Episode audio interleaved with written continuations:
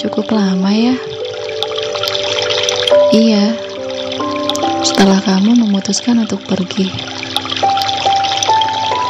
Seharusnya aku sudah lupa dengan semuanya. Tapi, kenapa tidak ada yang hilang dari ingatanku? Ini tidak sakit. Hanya saja aku cukup terganggu dengan ini semua.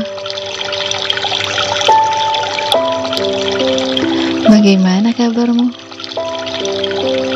Apa kamu sudah benar-benar bahagia dengan pilihan terakhirmu? Sepertinya sudah.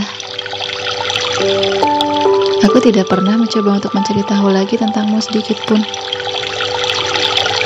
Bukan karena aku belum bisa move on, tapi untuk orang yang sudah memilih pergi, bagiku itu berarti sudah tidak ada lagi yang harus dijaga. Aku sudah lama menghapus semua yang berhubungan denganmu.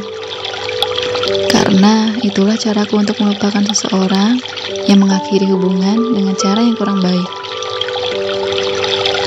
Tapi anehnya, kenapa hanya nomor HPmu satu-satunya yang masih kuingat selain nomorku sendiri? Padahal aku sudah tidak ingin ingat. Jadi kamu enak ya? Bisa pergi tanpa berat hati lalu menemukan orang baru dengan mudah. Kenapa hatiku tidak semudah itu? Aku rasa kamu pun juga sudah tidak pernah mengingatku. Bodohnya, kenapa aku tidak bisa benar-benar melupakan? Saat semuanya sudah benar-benar hilang. Setidaknya aku tenang, bukan aku yang menyakitimu dan memilih cara yang kurang baik untuk mengakhiri semuanya. Bukan karena aku tidak rela, tapi aku rasa semua butuh waktu.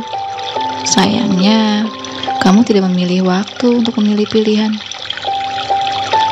Kamu lebih memilih mengikuti emosimu yang menurutmu aku tidak akan pernah bisa untuk ditinggalkan, bukan?